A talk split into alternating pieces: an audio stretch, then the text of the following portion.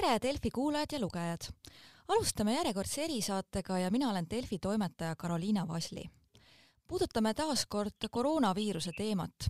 paraku näitavad ka viimased päevad, et tegelikult ei ole meil olukord seal rindel paremaks läinud. iga päev lisandub väga palju nakatunuid ja ka kahjuks surmajuhtumeid on päris palju ja tegelikult kogu selle puhangu käigus on meile üheks väga heaks indikaatoriks olnud äh, Tartu Ülikooli seireuuring. ja just ka sel nädalal tulid äh, viimase etapi,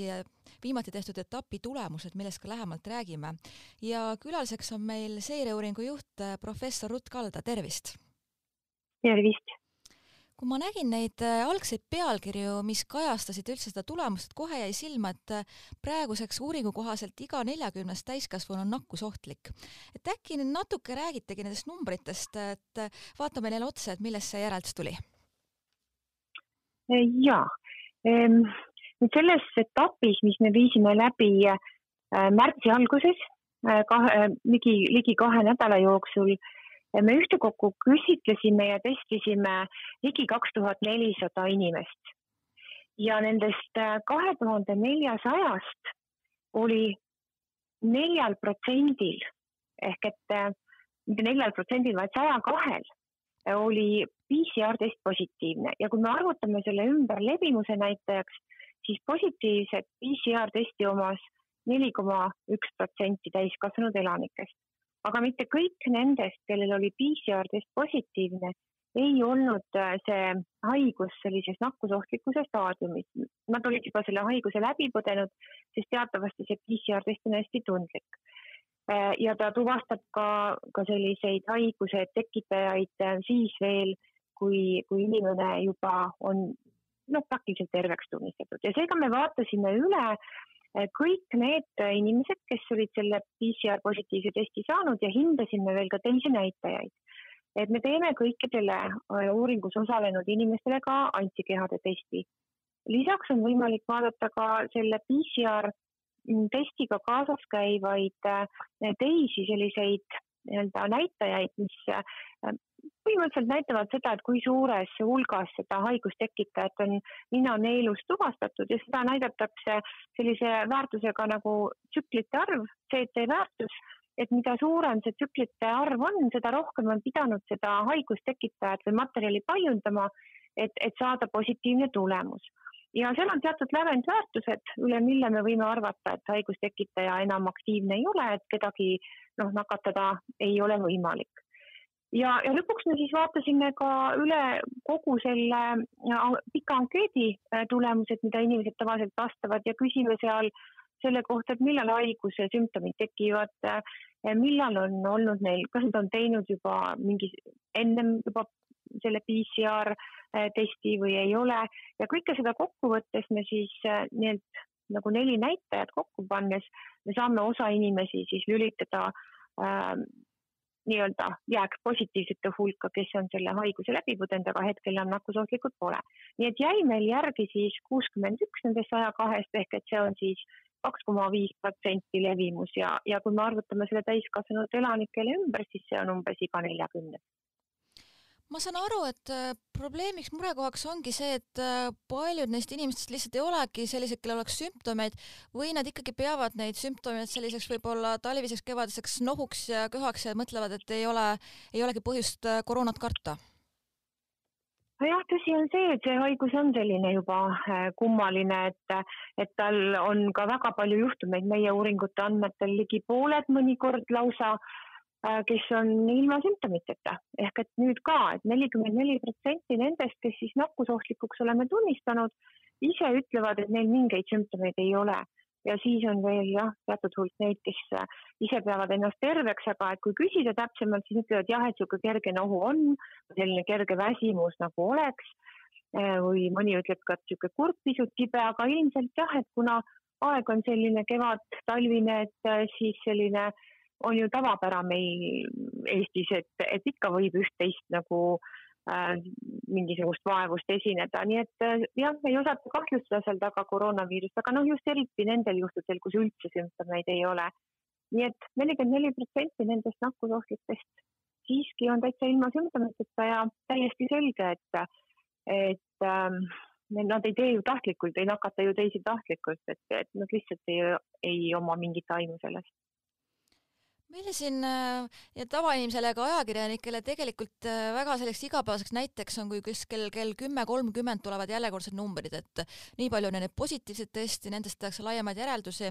mulle meenub, et olete ka varem öelnud, et võib-olla need äh, testi number nii väga ka ei peegelda ainuüksi reaalsust, et võib-olla ka selliseid jääktulemusi ja nii, et kuidas, äkki ka räägid seda lähemalt, et mis te arvate, et kui objektiivne või selline indikaator ikkagi ka see testide igapäevane number on? See testide igapäevane number näitab sellist äh, situatsiooni või peegeldab õieti seda, et kui palju on positiivseid teste nende hulgast, äh, kes siis on äh, valdavalt pöördunud arsti ja kahtlustavad, et neil on koroonaviirus, kes siis on saadetud arstide poolt testima. ja, ja noh, muidugi on nende hulgas ka neid, kes on sattunud haiglasse ja eelnevalt testitakse neid haiguste, haigus koroonaviiruse suhtes ja, ja pisut äh, on ka neid, kes tulevad piirilt või, või siis ka lähikondlaste hulgas, keda testitakse. nii et seda päris selliseks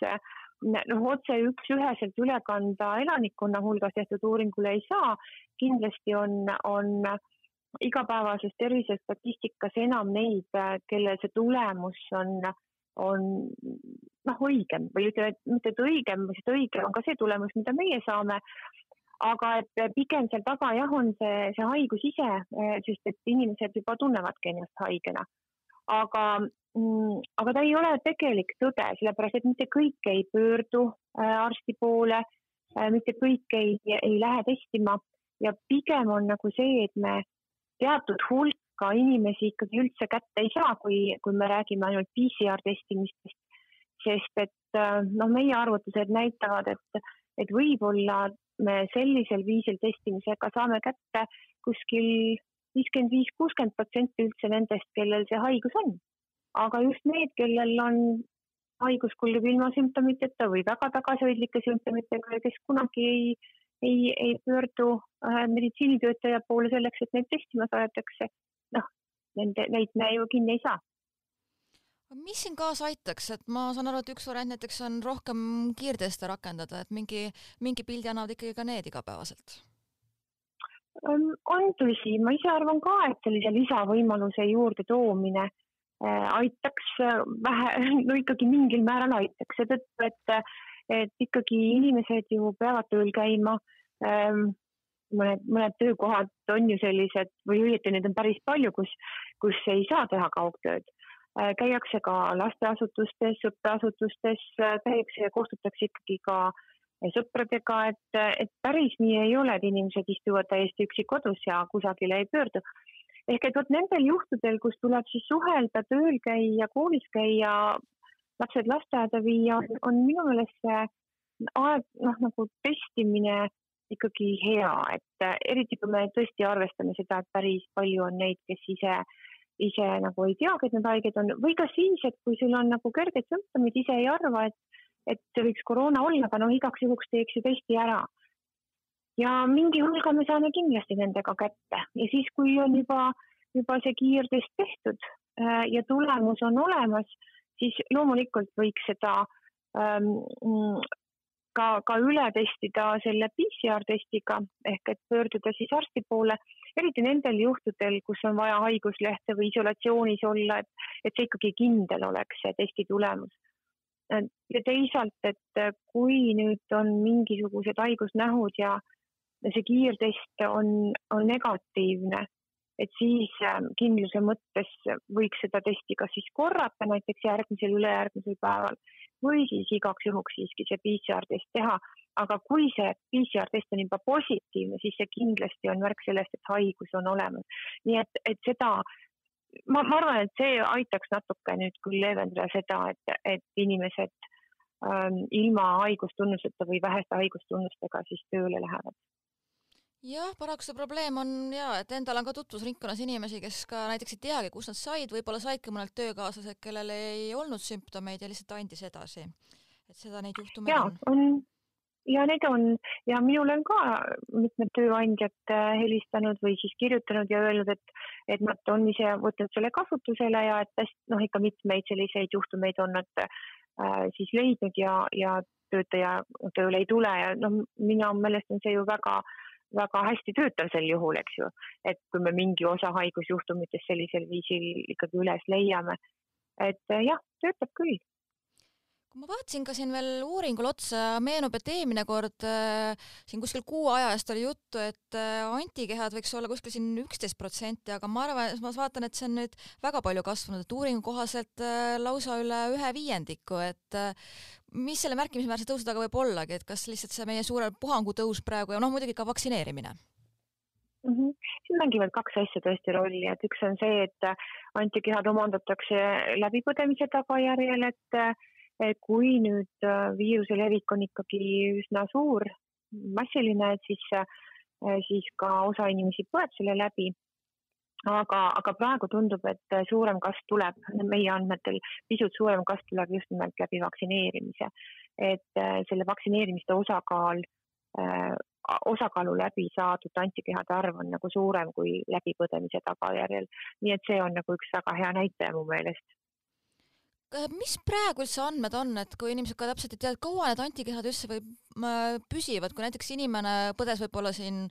näiteks eelmisel sügisel, kuidas tal praegu võib olla, et kas või, või see on ka selline kõigub, et siin sellist ühte kindlat mustrit ei olegi, et on suhteliselt individuaalne organismil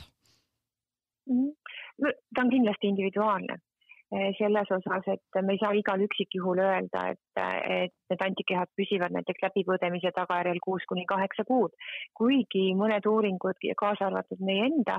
Tartu Ülikooli poolt tehtav uuring on näidanud, et kuus kuni kaheksa kuud eh,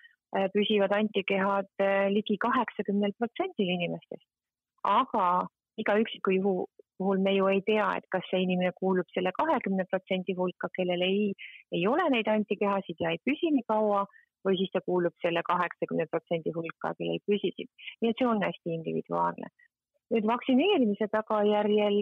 jah, praegu me teame seda, et, et need antikehad võivad püsida või noh, püsivad, eks ju ähm, ka vähemasti, vähemasti pool aastat, kaheksa kuud, ka. Varsti me ilmselt teame juba rohkem, sellepärast et see sõltub ju täpselt sellest, kui kaua neid antikeha või neid vaktsineerimisi on, on teostatud ja uuritud, varsti sellest ligi aasta, eks ju Eh, nendest uuringutest, nii et mina arvan, et, et need teadmised tulevad tasapisi, aga põhjust on küll uskuda, et, et nad kestavad, kestavad kauem. Ehm, kasvõi teiste vaktsiinide eeskujul on, on see võimalus nagu või, või selline noh, järeldus võimalik teha, aga varsti me teame rohkem jah, siin vaktsiinidega, näiteks AstraZeneca puhul see kahe doosi vahe on nüüd koguni see kaksteist nädalat, et paljud inimesed, ma olen ka kuulnud, et kes on esimene doos käes, tunnevad ennast päris uljalt, et ei peagi väga distantsi hoidma, aga et päris nii lihtne see ei ole, et ma saan aru, et ikkagi esimese doosi järel, no muidugi see tõenäosus nakatuda on tunduvalt väiksem, aga et olematu kohe kindlasti mitte. see ei ole olematu, et eh, meil on ka teada nii, nii Ravimiameti kui, kui tervisestatistika andmetel on teada, et meil on nende hulgas, kes on saanud ainult ühe doosi, on nakatunuid siiski olemas. Ja ka meie uuringust tuli välja, et, et, ähm, et mõned inimesed olid saanud äh, vaktsiini, esimese doosi, äh, aga nad olid siiski ka haigestunud. Ehk et, et see võimalus on olemas, neid ei ole palju, aga, aga neid on ja seetõttu nii nagu seda on ka igal pool juhendites rõhutatud, et pärast esimese vaktsiinidoosi saamist võib see tõenäosus äh, oluliselt väheneda, et, et haigestutakse, aga see ei ole olematu ja seetõttu tuleb kasutada ikkagi kaitsevahendeid ja, ja igasuguseid äh, viiruse ennetamise reegleid järgida. et nii, et selline ähm, kindlus saabub rohkem pärast teist doosi ja siis ka kuskil kümme kuni neliteist päeva pärast teist doosi aga ka siis ei ole see päris sada protsenti, vaid ikkagi öeldakse, et kuskil üheksakümmend viis protsenti, üheksakümmend, üheksakümmend viis protsenti. nii et päris saja doosi, sajaprotsendilist üldse haigestumist äh, vältida võib-olla ei ole võimalik, küll aga sada protsenti ligikaudu rasket haigestumist kui siin ka üleüldiselt vaadata inimeste enda otsustele ja käitumisele otsa, et eh, kuidas eh, praeguseks siis need piirangud ja üleüldse, kas ikkagi väga palju hoiatusi võib ka siin meedias lugeda nii poliitikute kui tohtrite poolt, et eh, olukord on meil käest ära, et on inimesed sellest kuulda võtnud ja üritatakse rohkem kontakte vältida ja nii edasi? jah, et see on nagu selline ütleme võib-olla pisut keerulisem nähtus, et jah, ühest küljest äh, see, et viirus on levinud nüüd äh, jõudsalt ja, ja igapäevased haigusnakata, haigusnäitajad on tõusnud, on tõepoolest äh, vähemasti meie uuringu andmetel ka inimestes taas jälle sellist valvsust ja, ja ka reeglite järgimist noh, nii-öelda tõstnud või ütleme parandanud aga, aga siiski on üsna, üsna kindel hulk, eks ju, neid inimesi, kes, kes ka reegleid ei järgi ja ja meil, meie enda uuringute andmetel on neid umbes üks viiendik, kes kohe mitte midagi ette ei võta, kui isegi pärast seda, kui nad teavad, et nad on võimaliku nakatunuga kokku puutunud. ehk et, et ikka on, on neid. me muidugi, ma kujutan ette, et nende hulgas on ka neid kes, kes näiteks ongi selle haiguse läbi põdenud või on vaktsiinidoosi saanud ja neil tekib nagu selline illusioon, et, et nemad ju niikuinii ju enam ei haigestu, aga mm, jah, eriti pärast seda, kui ainult ühe vaktsiinidoosi oled saanud, siis see haigestumise tõenäosus on siiski olemas. Ja lisaks ega ka, ka võimatu pole kordushaigestumine, kuigi see on üsna, üsna väike tõenäosus nii et, et aga ikkagi on olemas, nii et, et jah, et inimesed on sellised mm, ütleme, ühest küljest hoolsamad, aga teisest küljest ikkagi on, on neid püsivalt, kes seda, kes seda situatsiooni nii-öelda või, või siis neid ennetusalaseid ähm, meetmeid nii-öelda eiravad ja ei järgi mm. -hmm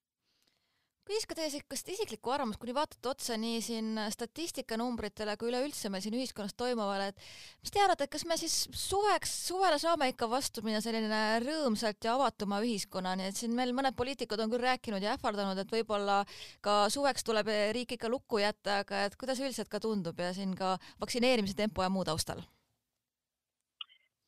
praegu siis, kui nüüd ma noh, tõesti näen, et see vaktsineerimise tempo on on tõusnud ja meil vaktsiini jagub ja, ja me suudame suure hulga, eriti nendest ähm, või, või enamikku nendest riskigrupi patsientidest vaktsineerida äh, ja, ja ka juba alustada teiste inimeste vaktsineerimisega. ehk et kui me jõuaksime näiteks kusagile äh, seal juunis või, või juuli alguses niimoodi üle poole elanikkonnast ära vaktsineeritud, siis ma arvan, et kindlasti on võimalik, et suvi tuleb ähm, noh, leebem, kui see praegu on või lihtsam, et neid suuri piiranguid enam ei ole, et me saame vabamalt käia. Äh, aga, aga jah, et ähm, ei, ei oskagi nagu täpselt öelda, need piirangud, mis hetkel on, et need ka kindlasti avaldavad mõju. hästi palju sõltub tõesti praegu minu meelest vaktsineerimise tempost ja sellest, kuivõrd inimesed ise, ise ka soostuvad äh, vaktsineerima tulema, nii et see on nagu äh, kriitiline moment või kriitilise tähtsusega jah, sellest vaktsineerimisest ka, ma olen kuulnud, et siin perearstid natukene ka upuvad nüüd nende inimeste kõnede ja meilide ja nende alla, et kes äh, soovivad, et saaks ennast kuskile nimekirjadesse, aga ilmselgelt tuleb ka ikkagi oodata selles rahulikus tempos, et äh, millal jõuab ka nii-öelda laia tarbe, laia tarbe vaktsineerimiseni. jah, et kõigepealt jah, meie prioriteet on, eks ju, vaktsineerida ära need riskigrupis olevad eakamad ja, ja krooniliste haigustega inimesed, siis nendel on oht lihtsalt raskeks haigestumiseks ja haiglasse sattumiseks. samamoodi ka kõrgeks suremuseks, et esimene prioriteet on jah see, et, et me natuke haiglate koormust vähendaksime selle võrra ja inimeste tõsiseid seisund, tõsiste haigestumiste nagu arvu. ja siis tuleb juurde see üldine elanikkonna, elanikkonna vaktsineerimine et ähm, ja nii see nagu on ja sellepärast me keskendumegi, eks ju, nendele riskigruppidele. aga praegusel hetkel ma arvan, kui meil on ka see, et me AstraZeneca vaktsiini, mida ma loodan, et, et ikkagi ka suures, suures koguses tuleb, äh, saame kasutada ka kõikidele, nii et me oleme nüüd teadlikud, et AstraZeneca on väga hea ka eakamatele ja ka krooniliste haiguste puhul, et siis ma arvan, et, et meil see tempo kiireneb ja me jõuame üsna pea, pea nad ära vaktsineeritud, need, need riskigrupi patsiendid ka perearstikeskuste kaudu ja, ja, ja vajadusel siis ka vaktsineerimiskeskuste kaudu ja et siis saame liikuda juba kiiresti edasi ka teiste gruppide vaktsineerimisele. nii et jah, algus oli natuke nagu selline odav äh,, üsna palju ka ikkagi selle tõttu, et neid vaktsiine ei olnud lihtsalt, aga, aga nüüd, nüüd mulle tundub, et, et peaks hakkama see probleem lahenema seda on tore kuulda ja ilmselt jääme kõik, kõik ootama, et see vaktsineerimise tempo veelgi kasvab ja teile ütleks suur aitäh äh, uuringu tulemustest rääkimast ja ootame ka huviga, et mis on siis äh, järgmise etapi tulemused ja loodetavasti lähevad olukord paremaks. aitäh teile! jah, ja kõike head!